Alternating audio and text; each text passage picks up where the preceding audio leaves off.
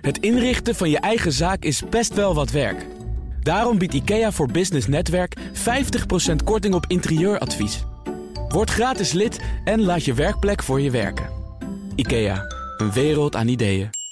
En het gast is het Boardroom Panel. Dat bestaat uit Leen Papen, hoogleraar Corporate Governance aan de Nijrode Business Universiteit. Hoogleraar Corporate, nou, dat staat er twee keer. Staat er twee keer, maar het andere is voorzitter van het Nijenrode Corporate Governance Instituut. Ah, oké, er eh, staat nu wel een beetje reclame keer maken, Corporate Thomas. Governance en Nijenrode in één en dezelfde aankondiging. Gaan we een beetje in snoeien. Louise Gunning is hier, voorzitter van de Raad van Commissarissen bij de Schiphol Group en OMVZ. En al de hele show, mijn eh, zakenpartner is Helene Vletter, hoogleraar Financieel Recht en Governance aan de Erasmus Universiteit. President commissaris bij Intertrust en commissaris bij onder andere NN Group en Barclays. Welkom allen. Dankjewel. We gaan het maar eens hebben over de transactie van de week. In ieder geval misschien wel van dit jaar. Namelijk het feit dat er eh, door de staat aandelen Air France KLM gekocht zijn. De overheid koopt ongeveer 14% van de aandelen... voor een totaalbedrag van 744 miljoen euro. Ik denk dat eh, de eerste reactie misschien gepast is eh, te vragen aan Louise Gunning. Interessant, onverwacht. Ehm, het geeft wel aan dat dit kabinet waarde, letterlijk waarde hecht aan het netwerk wat KLM eh, Nederland biedt. Is dat het? nou, ik, ik weet het niet. Het is een- heel interessant om het in de pers te volgen. Je ziet dat er heel veel eh, golfjes door ontstaan zijn. Je, je, je volgt het eh, misschien eh, vanuit de pers... maar je bent ook voorzitter van de Raad van Commissaren bij, bij Schiphol. Eh, weet je dan wat meer? Nee, nee, over dit soort dingen absoluut niet. Want, want Schiphol speelt een belangrijke rol in de argumentatie eh, van de staat. Kijk, Schiphol is denk ik een heel belangrijk eh, vlieg, vliegveld, een, een, een eh, hub voor Nederland. Daarmee biedt eh, Schiphol Nederland verbindingen die het een aantrekkelijk eh, vestigingsklimaat geven. En KLM is een hele belangrijke speler in, die, eh, in dat netwerk. Dus voor ons is KLM een heel belangrijke klant. Dat is het dus ook interessant, is, is Schiphol blij met, eh, met het feit dat eh, de overheid dus zo duidelijk zegt: eh, wij willen KLM, daarmee ook Schiphol beschermen? Ik denk dat het feit dat de regering zo duidelijk aangeeft dat ze waarde hechten aan dat netwerk voor Schiphol belangrijk is. Maar het zijn wel twee heel verschillende ondernemingen. En KLM is eh, gefuseerd met Air France. Dus ook de samenwerking met Frankrijk is heel belangrijk. Eh, je hoopt dat de onrust die er over deze transactie ontstaan is in de Frans-Nederlandse eh, betrekkingen weer snel herstelt. Maar daar, daar lijkt het nu niet op. Ik heb dit vanuit de pers. Het FD schrijft, eh, en dat is ook een communiqué geweest... dat de Air France KLM nu openlijk twijfelt over het steunen van de expansie van Schiphol. En toen dacht ik, ja, dan win je misschien de slag, maar verlies je de oorlog. Maar dat heb ik nog nergens anders gehoord. Deze uh, deze stap van Air France KLM. Heeft u het misschien wel ergens kunnen lezen, namelijk in het FD. Ja, precies, maar nergens anders. Uh, ja, goed, ik ga natuurlijk niet mijn collega's hier in twijfel trekken. Het staat in een serieuze krant. Maar zou het nee. toch kunnen dat het. Hè, we hebben het over de, de moeizame relatie tussen de Fransen, de Nederlanders, tussen Air France en KLM. Dan is dit niet meteen bevorderlijk voor het. Uh, herstel van die relatie, toch? Nou, ik denk dat KLM doet het natuurlijk op het ogenblik buitengewoon goed. En als Air France KLM denk ik dat dat ook gekoesterd zal worden. De vraag is volgens mij, waar, waar wordt nou eigenlijk de strategie bepaald? Van, van KLM. Wie, wie bepaalt die nou? En, en als ik het goed heb kunnen traceren, dan is ooit afgesproken bij de fusie uh, van KLM en Air France dat uh, uh, de Nederlandse en de Fransen uh, eigenlijk samen op zouden trekken. Dat er altijd goed zou worden geluisterd naar wat de Nederlanders vinden van die strategie. Dat werkte kennelijk goed in de tijd van uh, Van, van Wijk en Spinetta. En kennelijk is dat nu anders geworden. En uh, wordt de strategie nu meer op holdingniveau bepaald van KLM, waardoor de Nederlandse staat, dat is even de analyse die ik maak uit verschillende dingen die meneer Hoekstra heeft gezegd. Ja, kennelijk wordt dat dus nu meer op holdingniveau bepaald. Dus is het belangrijk dat uh, wij aandeelhouder worden in die holding, zodat wij ook uh, ons zegje kunnen doen. Ja, dat heb ik ook gelezen. Kijk, Schiphol bepaalt niet uh, de strategie van KLM. Wij kijken daar met argusogen naar, want het is onze grootste klant. En is een klant die heel belangrijk is voor het netwerk van Schiphol. Dus vandaar dat ik ook met argusogen gekeken heb naar hoe het ontvangen werd. Uh, ik weet niet precies wat de overwegingen zijn geweest van de staat. Ik kan ook niet helemaal inschatten of dat de uitwerking zal hebben op Air France KLM die men beoogt te hebben. Ik denk dat het wel heel erg belangrijk is dat. Eh, KLM de kans krijgt om op Schiphol dat netwerk te blijven bedienen, ook naar de toekomst. Belangrijk voor KLM, belangrijk voor Schiphol, maar ook belangrijk voor Nederland. Ook nog altijd hier, verbonden aan de Nijrode Business Universiteit. Onder andere Leen Papen. Je hebt op Twitter gezegd: dit is een wedstrijdje verplassen. Dat klinkt niet als een uh, enorm uitgekiende strategie. Ja, dat was een reactie op uh, iemand die mij ook een, uh, een, een, antwoord gaf naar aanleiding van een eerder bericht. Ik, mijn eerste bericht was: dit is een bijzondere actie. Uh, en, en of dit een verstandige actie is, it's too early to tell. Maar op zijn minst uh, kon je aanzien komen dat dit natuurlijk uh, weinig gewaardeerd zou worden door de Fransen. Um, het is ook een beetje stiekem in zekere zin. En de aandeelhouders hebben het ook niet gewaardeerd. Waarop Louise zei: ja, de koers is weliswaar nu 15% lager, maar hij kwam van een 18% plus. Dus we zijn nog ongeveer een klein beetje boven, boven nul. Maar alweer, het helpt niet in de verhoudingen. Dus ik snap de emotie, ik snap ook wel de gedachte. Alleen, dit had je dan 15 jaar eerder moeten doen. Uh, er zijn ook kennelijk, dat lees je ook in de krant, al pogingen gedaan om al een keer eerder tot een zeker vergelijk te komen. Jeroen Dijsselbloem, toenmalige minister, die had inderdaad ook dit plan. Als het toen was uitgevoerd, dan uh, was misschien Pieter Elbers uh, niet uh, wel de grote man geworden en niet Ben Smith. Was het in ieder geval goedkoper geweest. Maar goed, dat is allemaal achteraf. Nou ja, dat is allemaal achteraf. En nu is dit een soort ehm, ja, breekijzer waarvan ik denk dat helpt in ieder geval niet op de korte termijn. of het weliswaar weer goed kan komen, vast wel. Hè. Je hebt geen andere manier dan vanuit de holding te zorgen dat het gezamenlijke belang wordt gediend. Dat roept ook meneer Hoekstra. Ja, ik wil nog een keer onderstrepen, zegt hij. Het gaat om het collectief, dus om Air France KLM als totaal. En dan alweer, dan uh, valt dat niet helemaal te rijmen met deze actie. Dat vind ik dan wel. En uh, ik denk dat er maar één weg naar voren is. Dat is de dialoog, uh, praten met elkaar. KLM ja, is van nou precies wat er niet gebeurd is. Dit nee, is gewoon overnight gebeurd. In, in, een beetje een duister exact. hoekje. Ja, zo komt het over. En daarmee is ook de reactie voorspelbaar. Niet alleen van de aandeelhouder, maar ook van de Franse staat. En alweer, dat is het sentiment wat over een paar dagen misschien wel weer zal luwen.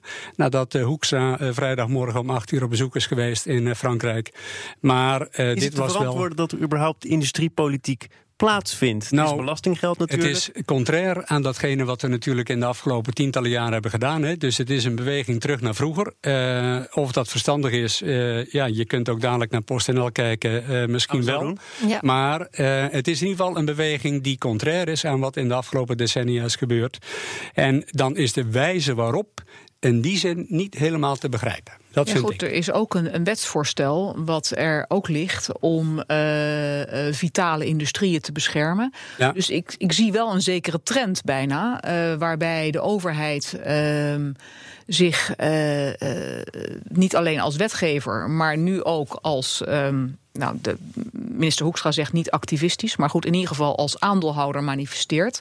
En als ik kijk naar de samenstelling van de board van uh, KLM uh, Air France op holdingniveau, dan zie ik inderdaad dat uh, Delta en China Eastern allebei met een kleiner percentage aan aandelen dan KLM op dit moment heeft, een commissaris hebben. Nederland heeft een aantal commissarissen.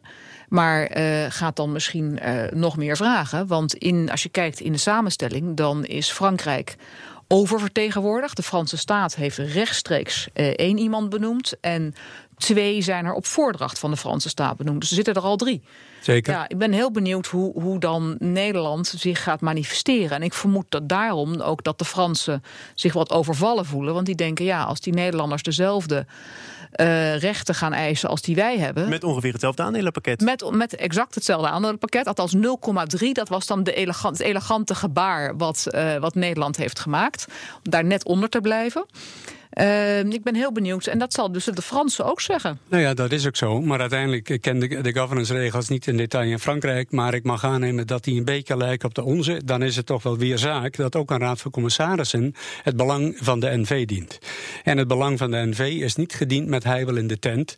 Dus je zult met elkaar dan toch moeten komen tot een vergelijk over wat je wil doen op de langere termijn. En het uh, uiteindelijk gaat de aandeelhoudersvergadering natuurlijk over de finale besluiten die dienen te worden genomen. Uh, zo werkt het kun je eigenlijk wel, wel invloed kopen. Ik las ook een, een analyse waarin wordt gezegd... de relatie tussen Air France en de Franse regering die is hecht. Dat is een kwestie van traditie, dat is een kwestie van hoe het daar in Frankrijk aan toe gaat.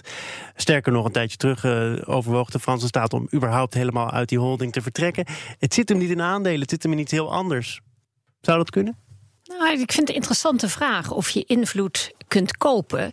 Uh, ik denk dat heel veel activistische aandeelhouders denken van wel, want anders zouden ze nooit aandelen kopen. En als je kijkt naar hoe soms activistische aandeelhouders in staat zijn om een, uh, hoe noem je dat, een een uh, stok tussen de wielen te steken. We zijn geen activistische aandeelhouder, heb ik gehoord. Nee, dat zijn wij niet. Dus de vraag is of dit de route is om die invloed te kopen... of dat je probeert iets van... Uh, toch ook zichtbaar te maken, misschien wel nog meer in eigen land dan in Frankrijk, uh, dat je uh, KLM heel erg belangrijk voor Nederland vindt. En daar komen we terug naar die discussie die uh, Leen ook net aan hoorde. Dat je de slinger, die we natuurlijk heel erg richting uh, shareholders hebben laten gaan, nu weer een heel klein beetje richting stakeholders en eigen belang, nationaal belang ziet gaan. Dat is ook de discussie die we nu weer over Chinese investeringen zien. En dat, en dat is aan zich natuurlijk goed. Hè? Het waren dan wel te wensen dat je dat zou inbedden in een zekere discussie over dat beleid, of je dit goed vindt. Terug naar wat we vroeger hadden. Of het nou gaat over KLM, of over PostNL, of over de NS. in alle drie de gevallen zou je die discussie kunnen voeren. Uh, alleen nu lijkt het toch alweer uh, een beetje op een ad hoc manier. Uh, die misschien wel past in een zekere lijn van denken. Maar die kennen we niet. Dat is het dan. Nee, dat ben ik mee eens. En, en dan gaat, komen we dus terug bij de vraag van ja, hoe voer je nou op een goede manier een strategische discussie? En uh, uh, ik vraag mij af of, uh, om te beginnen met de vuist op tafel te slaan en daarna te zeggen, en nu gaan we het samen doen, of dat nou de ideale manier is. In mijn ogen niet. Dat is, ben ik met je eens, Helene. Zo zou je het niet moeten willen. Nee. Maar goed, kennelijk voelden ze zich geroepen om het deze keer wel zo te doen. Nou, hoe groot zou de diplomatieke schade kunnen zijn? Want de Fransen voelen zich gepakt. Die zijn ja. onaangenaam verrast. Dit is natuurlijk misschien, zou je kunnen zeggen, van het Nederlands belang goed voor het bedrijf. Maar is het ook goed voor de diplomatieke verhoudingen waar je toch ook mee te maken hebt? Op de korte termijn niet. Op de langere termijn weten we natuurlijk allemaal wel dat we weer bij elkaar moeten komen. Dus ik, ik ben niet zo bang uh, dat de schade nou zo groot is dat dat heel lang gaat hinderen. Dat denk ik niet. Vond wel maar, interessant dat er één krant was in Frankrijk die zei: ja. de Fransen krijgen nu een koekje van ja. eigen deeg. Ik, ja. ik denk, nou, uh, dat is, die, die is tenminste eerlijk. Ja, dat is ook zo. Wij gaan het hebben over een overname die eraan lijkt te komen. Namelijk die van PostNL uh, wil concurrent Cent overnemen. Leen, is dat een goede zaak? Nou, ik snap die, die beweging ook wel. Ook weer een beetje terug naar vroeger. Hè? Want het was natuurlijk vroeger één bedrijf. We wilden het daarna op de markt brengen en daarna ook competitie. Die hebben we gekregen. En dan nu zie je een afkalvende markt. Waarin natuurlijk uiteindelijk um, de vraag is of je dat op deze manier nog kunt continueren. Uh, en deze twee partijen waren van mening dat het beter is om samen te gaan. Ja. Dus ik snap dat. Vinden ze volgens mij uh, heel lang, hè? Er wordt ja. nu aangekondigd als groot ja. nieuws. En het is natuurlijk ook groot nieuws dat er Zeker. nu uh, stappen worden gezet. afgelopen dinsdag was de bestuursvoorzitter van de Autoriteit Consument en Markt in dit programma te gast, Martijn Snoep. Helene, ik heb hem toen gevraagd: Goh, was u ook zo verrast? En het staat nu toch in de krant en er is een melding geweest. maar zeg eens eerlijk, ze cirkelen al zo lang om elkaar heen. U moet dit eerder hebben geweten. Hij zei van niet. Ja, ik denk, ik denk dat dat juist is, omdat uh, de ACM uh, zich erop voor laat staan dat je niet van tevoren even de temperatuur van het water kunt testen van een voorgenomen fusie. En zegt, nou weet je, ik bekijk het wel op het moment dat je de stukken bij mij indient. En uh, dan daarna hoor je wel of het mag of niet.